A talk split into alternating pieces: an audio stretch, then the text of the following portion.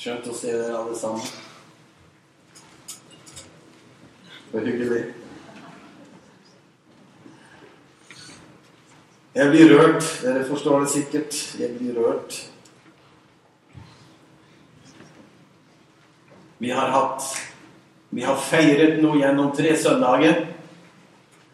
Og jeg må si at jeg syns det er hyggelig å se såpass mange i dag. Nå er vi i den, tilbake i det normale. Og Jesus er her. Herrens herlighet er her. Og Gud er her med sitt nærvær. Jeg ønsker å tale til dere over et tema som eh, heter 'La ikke din komfortsone begrense deg'. Og eh, jeg ønsker å bruke Guds ord litt i dag. Der står jo i Bibelen at den som taler, han taler som Guds ord, står det.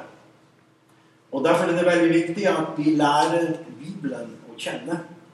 Og I dag så er det jo sånn at du trenger ikke ha en fysisk bibel med deg. Du kan jo ha med deg en uh, iPad, eller du kan ha med deg en mobil. og Det er ikke slik å forstå at Guds kraft flyter mer gjennom en papirutgave enn ellers. Men du kan uh, ha en mulighet til, å, til å, å, se inn i Guds ord. Vi får det på skjermen. Men likevel så er det litt viktig at vi lærer Guds ord. Og jeg har en liten sånn bekymring eh, for kristenheten i Norge, som vi nok har litt å lære av våre, våre foreldre og foreldregenerasjon eh, min, og eh, kanskje også den generasjonen som jeg er. Vi kunne Bibelen noe mer enn de generasjonene som kommer nå. Litt skremmende å se og høre at man ikke kan sin bibel mere. Og dette da sier kanskje spesielt til foreldre som har barn i dag. Nå er det ikke så veldig mange det er noen her og her. Barna er i hvert fall borte. Men lær din bibel. Det er du som er forbilde for dine barn og kjenne Skriften. Det vil jo være en tragedie. Det er greit nok at vi ikke får høre Bibelen på skolene. Men hvis det skulle ende opp at vi ikke får høre Guds ord i hjemmene, da har vi nådd et punkt som er på en måte en slags deadline. Og noen ønsker ikke jeg å gi dårlig samvittighet på noen, men jeg ønsker bare å løfte fram den enorme sannheten som fins i å kjenne Skriftene. Det står faktisk om de første kristne at de gikk etter at de hadde hørt utleggelse av Guds ord, så står det at de gikk hjem og leste Skriftene for å se om det var slik i Skriftene som det ble sagt til dem. Altså, de snudde på det. De ikke bare hørte Skriftene, men de sjekket også Skriftene. Og det er derfor vi har vår bibel. I denne bibelen her, hvis du har fått lov å se inn i han rød og rød og rød av, Bibelen, av steder som jeg har streket under. Og dette er vel kanskje min fjerde eller femte bibel som jeg har hatt i den tiden som forkynner. Skriftet, å kjenne Skriftene, er en utrolig fantastisk side for en kristen. En uvurderlig side. Men det er en annen side som, enda, som er like viktig. Det står at, i Bibelen at 'dere farer vill fordi dere For dere ikke kjenner Skriftene'. Er det noen som vet hva som står etterpå? Ja, kona kan alt det der, skjønner du. Du får ikke lov å være med. Dere farer vill for dere ikke kjenner Skriftene, ei heller Guds kraft. Det er altså to ting som er grunnlaget for at mennesket farer vill, at kristne også farer vill. Det er det første at vi ikke kjenner Bibelen vår. Hvordan vi skal leve, hvordan vi, hvordan vi skal være. Eh, historien om Jesus, historien om nåden, historien om forsoningen osv. osv. Det må vi lære å kjenne. Men vi må også, farer også vil, hvis vi ikke kjenner forskjell på Den hellige ånd og andre åndskrefter fordi dere ikke kjenner Guds kraft. Fordi dere ikke ser Guds kraft i aksjon, og så videre, og Så videre. jeg, jeg tar dette bare som litt innledning til det jeg skal tale om. Jeg skal tale om, som jeg nevnte, la ikke din komfortsone begrense deg. Og eh, vi skal få opp det første skriftstedet, som er på powerpointen. Og eh, der står det Han som er i stand til å gjøre langt mer enn alt det vi ber om eller forstår, etter den kraft som virker i oss. Han være æren i menigheten, som er i Kristus Jesus, gjennom alle slekter i alle evigheter. Du skal merke deg at det står der at han som er i stand til å gjøre langt mer enn alt det vi ber eller forstår. Og så står det Det er det første vi skal merke oss, som jeg har streket under. Og så står det 'etter den kraft som virker i Den hellige ånd'. Er det det det står? Nei, etter den kraft som virker i oss. Så nøkkelen til å forløse disse ting, som er langt utover det, utover det som vi forstår eller ber, det er en hemmelighet som ligger i oss. Det er du og jeg som er bærer av denne enorme mulighet.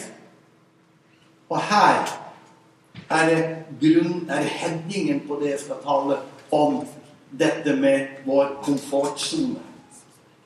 Hva er nøkkelen til at du og jeg ikke klarer å forløse mer av de himmelske krefter rundt oss? For de bor jo i oss.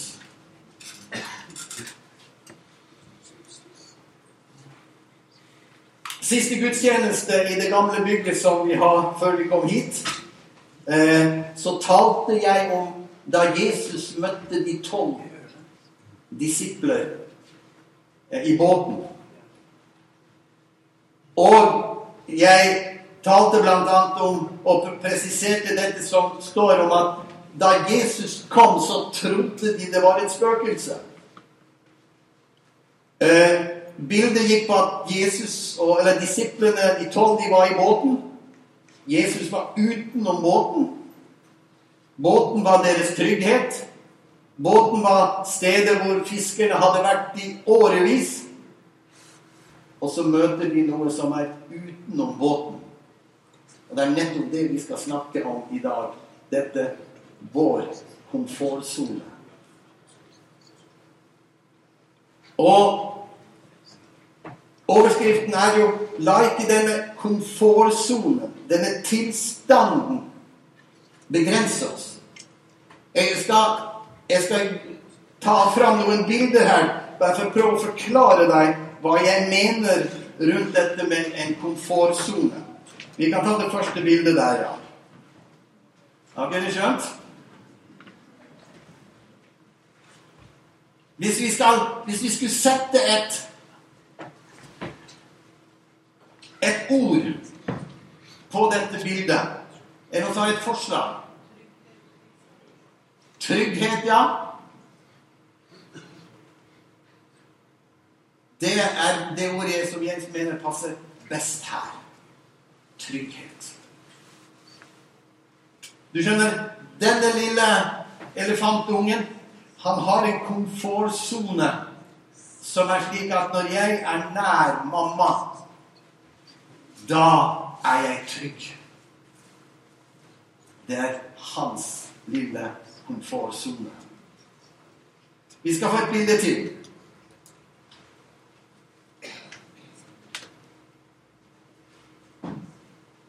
Hva vil du sette på dette bildet? Du ser denne hunden med ørene ned. Hva skulle det sagt her? Kommunisere med hverandre. Hva, hva tror dere den hunden med de mørke brillene hva, hva, hva tror dere at eh, Hva er det som er reagerer, hva, hva er hans reaksjon? Mistenksomhet er et godt ord, ja. Frykt er et godt ord. Usikkerhet, ja. Utrygghet. Dette er, dette er også en del av en komfortsone. Når vi tenker på en komfortsone, så tenker vi kanskje at det er en sånn relax. Et sugerør og et TV. Men komfortproblematikken, den er så mye, mye større. Den eh, Jeg håper hva heter han der eh, som flyger rundt med sånn maske? Det er Batman, ja. Denne Batman-hunden der. Han er utrolig utrygg. Det er på en måte Det er noe som kommer inn på hans komfortsone. Det er noen som begynner å true hans komfortsone. Og på grunn av at hans trygghet ligger der, og hans komfortsone blir truet, så legger han ørene ned, og så sier han nå må han passe dere, så han biter dere snart. Har du tenkt noen gang at du kan være sånn hvis du er utrygg i det du holder på med, og det du er? Og jeg. Nå forklarer jeg bare hva en komfortsone er. Vi tar neste bilde. the greatest enemy to the human potential is your comfort zone. That's right. Altså den største fiende, eller den største utfordring til vår komfortsone, nei, til vårt potensial, til vår mulighet til utvikling, det er vår egen komfortsone. Han som ligger der, han ser ut som han trives, ikke sant? Smiler helt opp til ørene. Det var som ble sagt om en predikant i, i, for mange år siden. Han smilte, så hadde det ikke vært for begge ørene, så hadde det gått rundt. Og det er noe i det der Altså, det, det, dette er kanskje det vi tenker for komfortsone. Altså komfort. Ha det bra.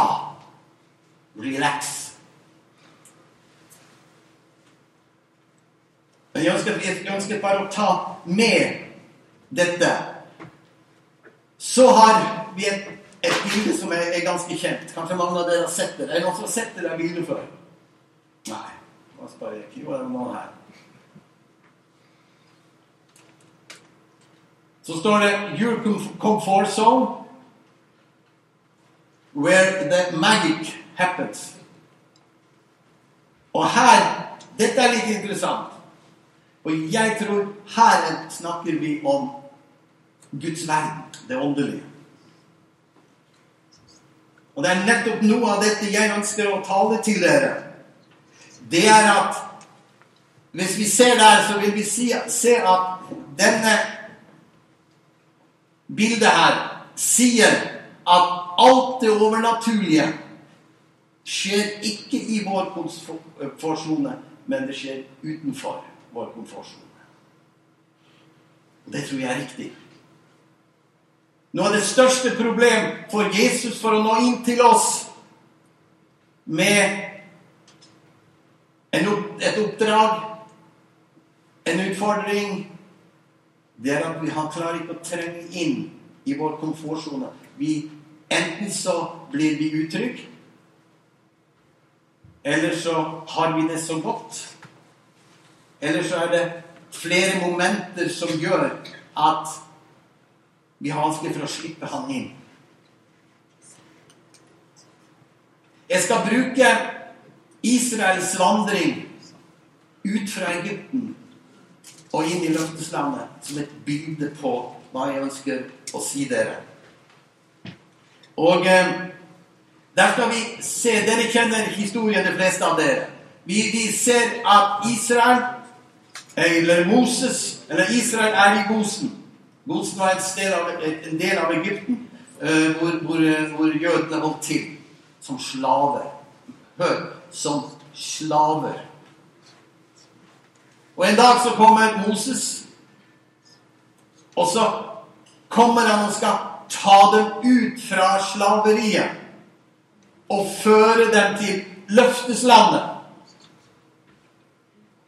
Og historien ifra Moses kommer og til de er i løfteslandet, er en veldig interessant betraktning.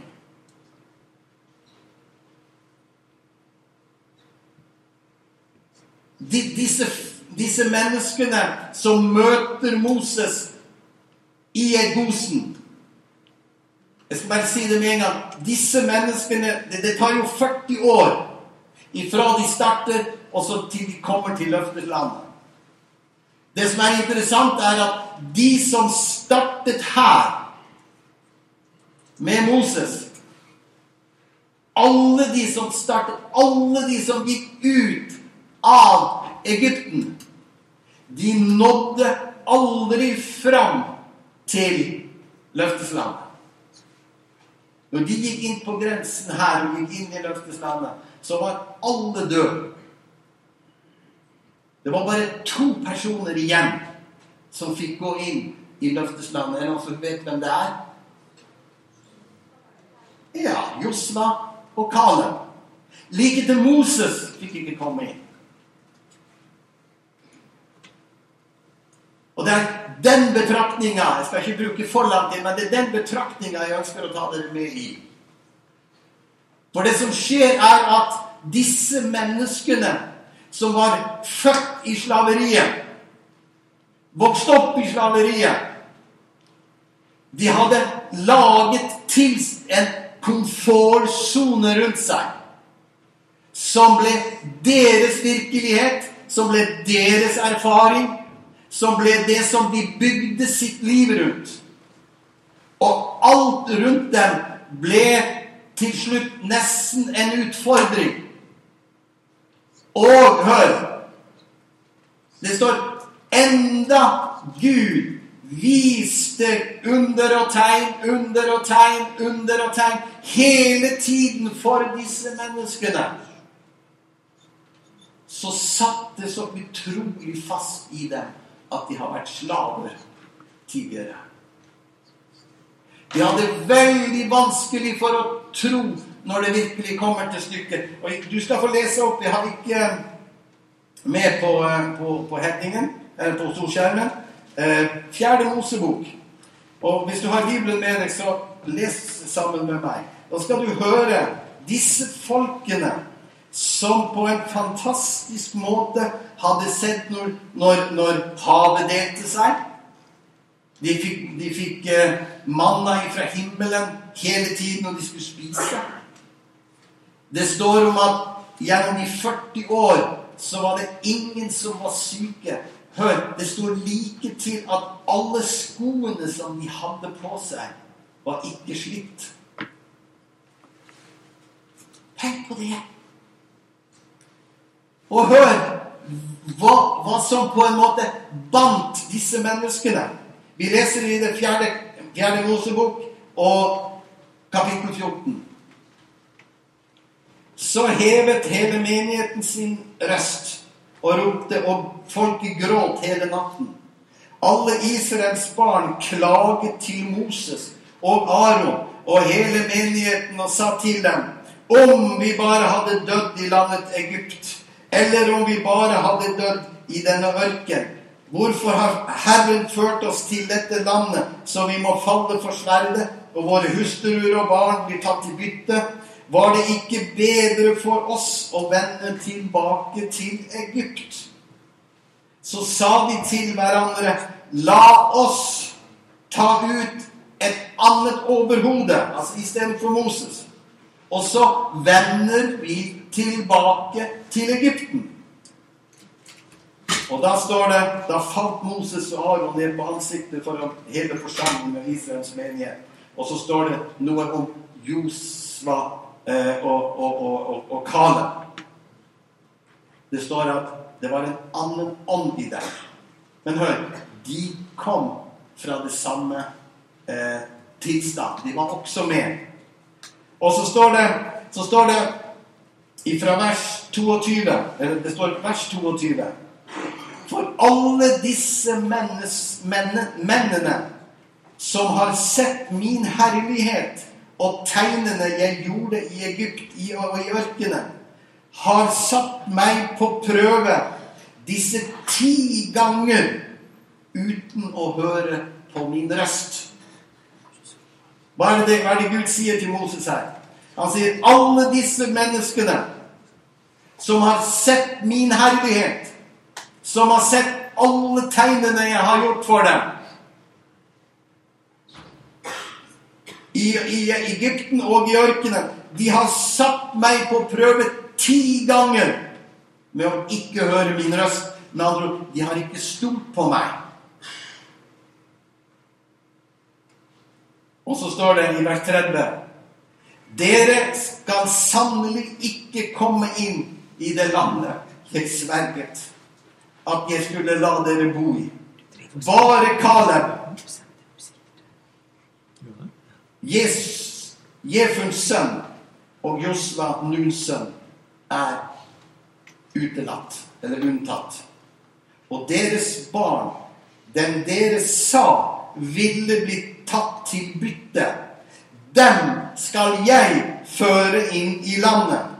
Og de skal få kjenne landets frukter, står det på det De skal få kjenne landet dere forkastet.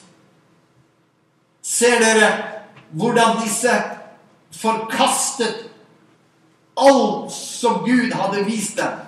Og jeg snakker, husk hele tiden, jeg snakker om denne komfortsonen. Det at de ikke klarte å løsrive seg ifra, i sitt sinn på det som har vært deres erfaringer og opplevelser gjennom lang tid. Og det er her noen ganger vi som kristne Vår bakgrunn, vår oppvekst, våre erfaringer osv. Vi må ikke skape en komfortsone rundt oss som om at en Gud som eh, vi tror på, ikke er mektig til å gjøre mer enn alt. Og få oss ut av vår begrensede tenkning. Hvis vi ikke kommer i den posisjonen, så kan ikke Gud få tale til oss. Men du skal merke deg eh, Herren sier her disse nye, den nye generasjonen som var født i ørkenen, som ikke hadde noe av slaven i seg De, sa Gud, de skal få komme inn i landet. De har en annen komfortsone. De har opplevd en helt andre ting som har blitt deres styrke og deres muligheter og deres eh, eh, denne generasjonen som fødes i ørkenen. Generasjon uten historie. Et folk på vandring som aldri grodde fast.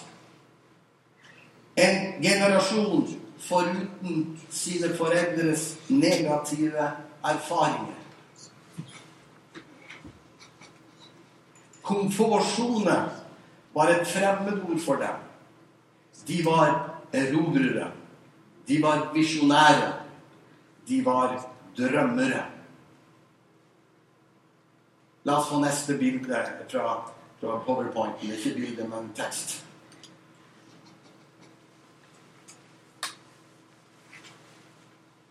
Vi kan ta det bildet som det som kommer Skal vi se her litt nå.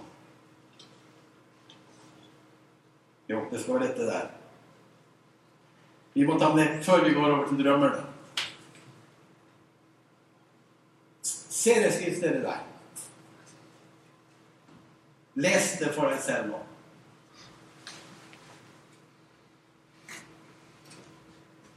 Som et menneske tenker i sin sjel, slik er han. Slik et, som et menneske tenker i sitt hjerte, kan du skrive også der. Spis, drikk, sier han til deg, men hans hjerte er ikke med deg. Er, du kan henvise det til de som gikk ut av Egypten. De sa 'Vi skal bli med deg'.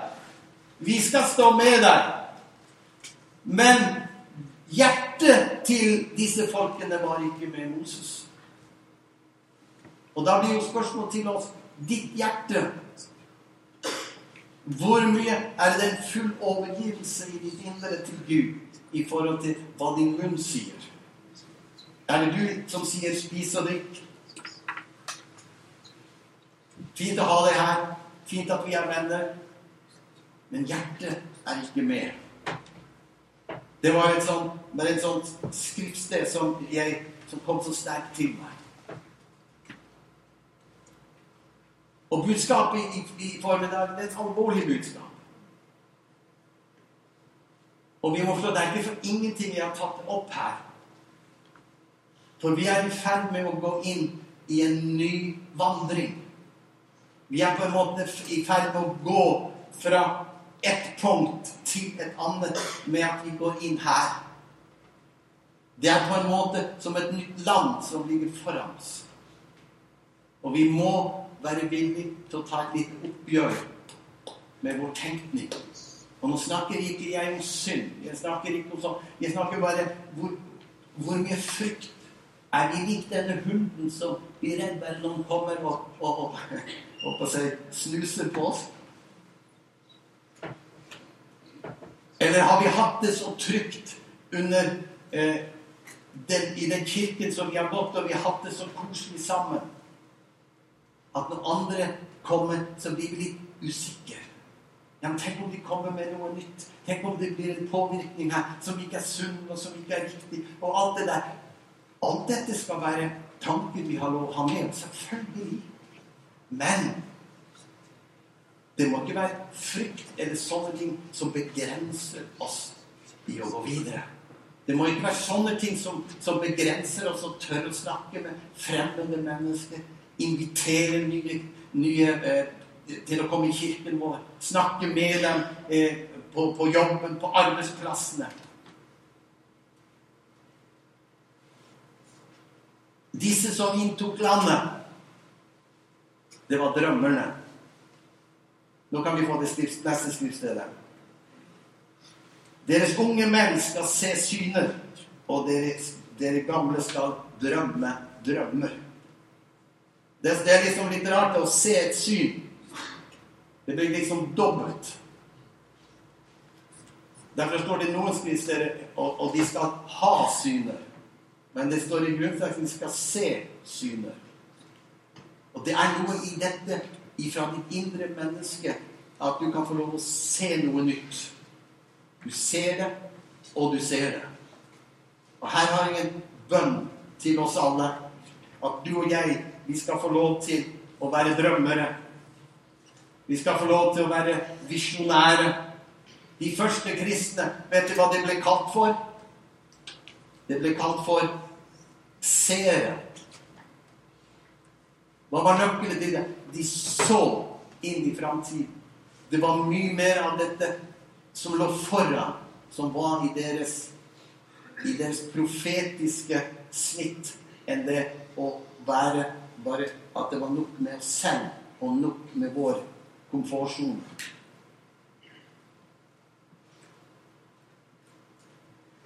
Jeg skal gå litt videre nå, hoppe ut av Egypten.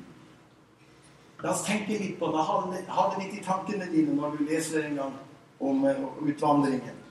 Og se, tenk at det var bare to stykker.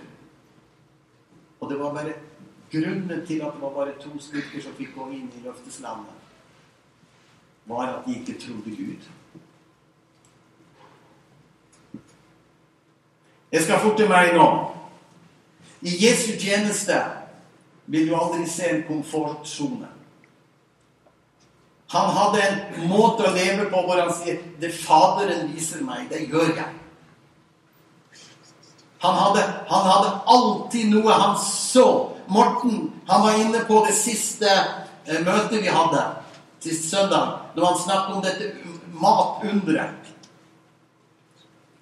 Tenk på Jesus sier til disiplene Han sier til dem Organiser 50 der, 50 der. Han hadde jo bare fem brød og to små fisker. Men han hadde allerede sett hva som skulle komme.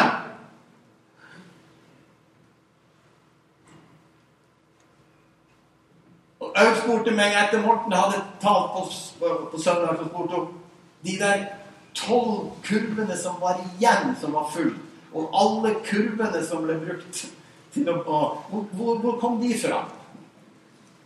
Og det er vel et godt spørsmål. Jeg tror vår Herre måtte skape kurvene også. Det var ikke noe problem. Så det var egentlig tolv nyskapte kurver i tillegg til alle andre kurvene som var tomme. Poenget mitt var at han så noe, og så gjorde han det.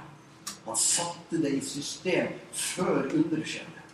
Han planla alt før underet skjedde. Når Jesus sa til disiplene vi skal ha et, et, et, et nattverdsmåltid før jeg lider, sa. Gå og hent et esel. Du skal gå dit og dit, og der skal du treffe en mann, og der skal du treffe et esel, og der skal du si, skal du si sånn og sånn til vedkommende. Og så skal du ta med eh, eh, Og så skal du spørre etter om å få lov til å, å, å leie lokalitetene.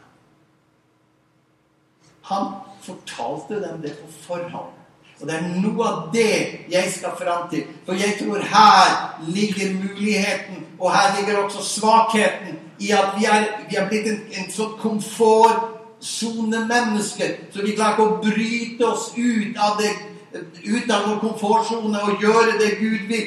For vi er så redd. Tenk om det ikke lykkes. Tenk om vi ikke får det til. Tenk om vi møter noen. Hele den billedrammen som vi hadde der.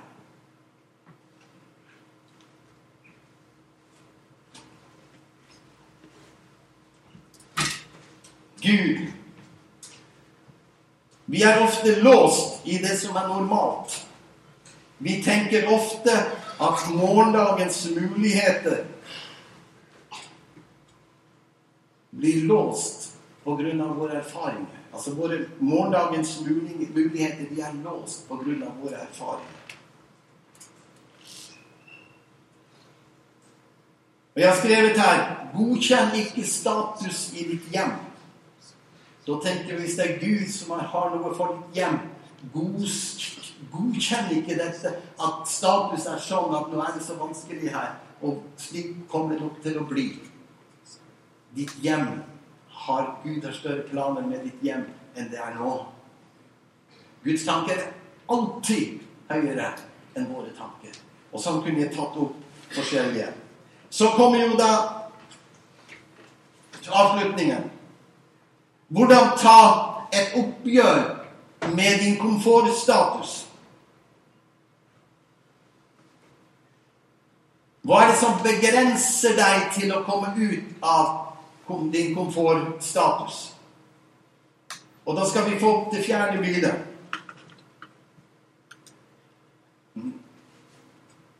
Ja, nå, nå, er jeg så rota litt. Nei, forresten, skal vi se. Vi skal, vi skal få det bildet der. Det må, vi tar det først. Det, det er bibelserien rundt dette med, med å bli, gå, bli fri ifra der vi har vært, og gå over i noe nytt. Det skulle vært, når jeg snakket om, at vi går inn i noe nytt her. Ser dere disse fiskene der? De bryter sin komfortsone, og så hopper de over i noe som er større. Det er nytenkning hos de gutta der. Det er, det er kvalitet over de gutta der. Vi må ha en større bolle, så det er litt mer vann, og vi kan få bevege oss litt mer. Og vi blir jo flere.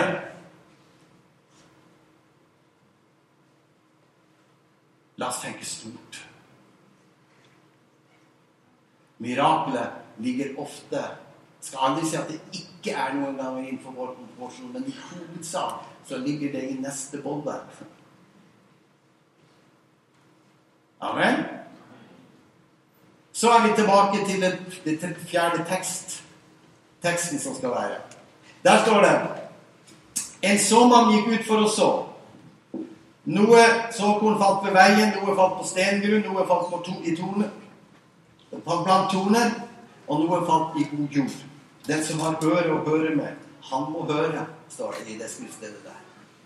Poenget mitt her, det er at Jesus tar opp problemstillinga og sier ved et tilfelle En såmann gikk ut for å så. Se for deg at det er en såmann som kommer til deg, og en såmann som kommer til meg. Og så prøver han å så noe inn i din komfortsone.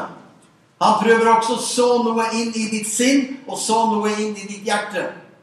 Og så sier Jesus, denne såmannen, han møter noen problemer i sitt, i sitt ønske om å så inn. Og det første han sier, det er at noe som av såkornet, det falt ved veikanten. Og da står det at fuglene kom og åt det opp. Og her vil jeg si til dere, og jeg sier til meg selv også Vær forsiktig når en person kommer til deg og sier 'Jeg har fått tro for at sånn og sånn skal det gå'. 'Jeg har fått tro for det', eller 'jeg har fått tro for det', eller 'jeg ønsker at det skal bli sånn gjennombrudd i mitt hjem'. 'Jeg tror at hele mitt hus skal bli frelst'. Da må ikke du være den lille pippipen som kommer og sier 'Ja, vær nå ikke for aktiv, da'. Vær nå ikke for åndelig, da. Har nok ikke for stor tro, da. Disse små fuglene, de plukker bort den sæd som Gud ønsker å så inn i din komfortsone for at du skal få evne til å sprenge den. Det andre er at noe falt på steingrunn. Stengrunn er ofte det er et bilde på ditt hjerte hvordan du er som menneske, som person.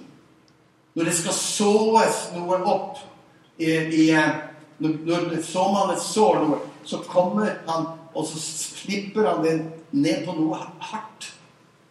Noe som sæden ikke har spireevne i. Det er også en sånn Hvordan er du i ditt hjerte?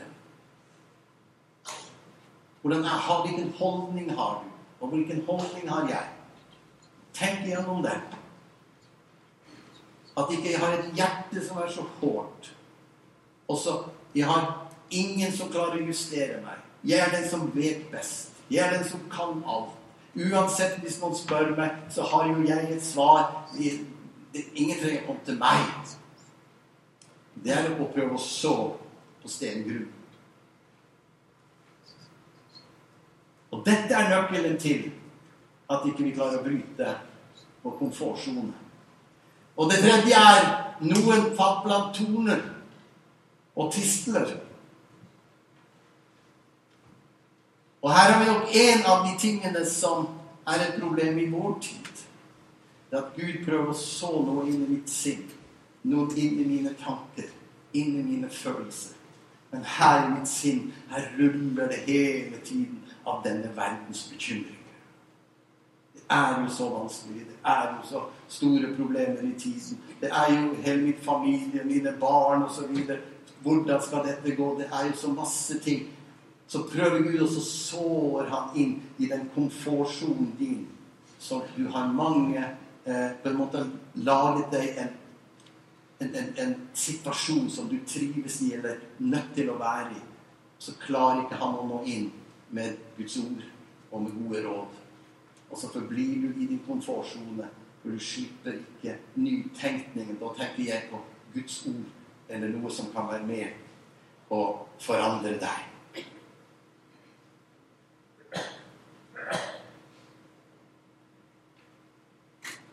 Jeg har et ønske til deg, og jeg har et ønske til meg. Nutidens komfortsone er en frukt av vår velstand og selvstendige hjerte. Nå snakker jeg om vår tid. Jeg skal avslutte nå. Nutidens komfortsone er en frukt av vår velstand. Og også vårt selvstendige, noen ganger egenrådige hjerte. Når jeg har alt, trenger jeg ikke å tro Herren for noe. Jeg har jo alt jeg behøver ifra jeg er født og til jeg dør. Jeg har hus, jeg har sykehus, jeg har alle ting jeg trenger. Jeg trenger jo ikke Gud. Og jeg har skrevet Hva om du og jeg kunne tro Herren for noe som gjelder hans sak? Eller tro Herren for noe av de han elsker?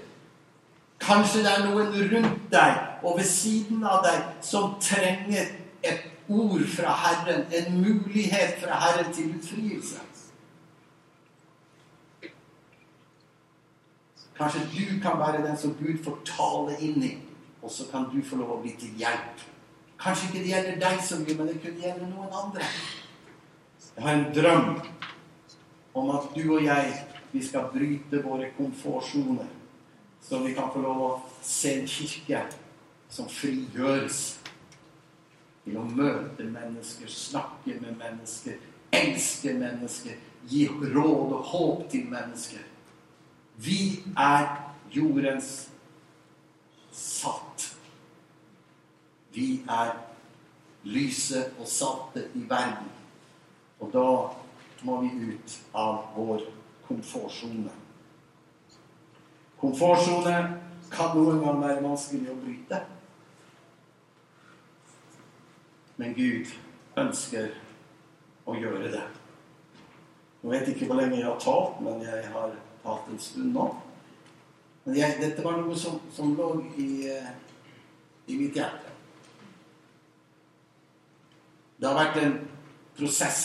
Jeg har vært urolig rundt denne prosessen. Det var som en predikant som jeg hørte på en gang på, på, på TV. Han sa det at å få et budskap fra Herren som virkelig er trykk over, det er som det, det samme utslag som en, en kvinne som er svanger. Hun har veldig vanskelig for å sove om natten. Hun vet ikke helt hvilken side hun skal sove på. Og sånn er det for en predikant som får noe fra Herren og blir svanger med Guds ord. Han vet ikke helt hvilken side han skal sove på. Og slik har jeg hatt det litt knyttet til dette. For dette er ikke kritikk av noe.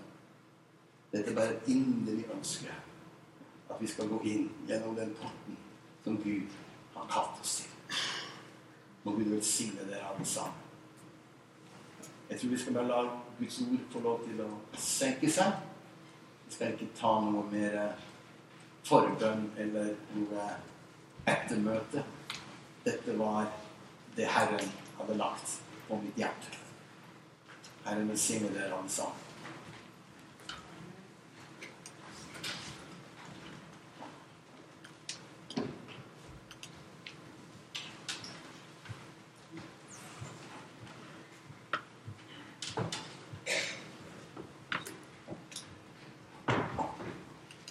Tusen takk, og så takk for det som ble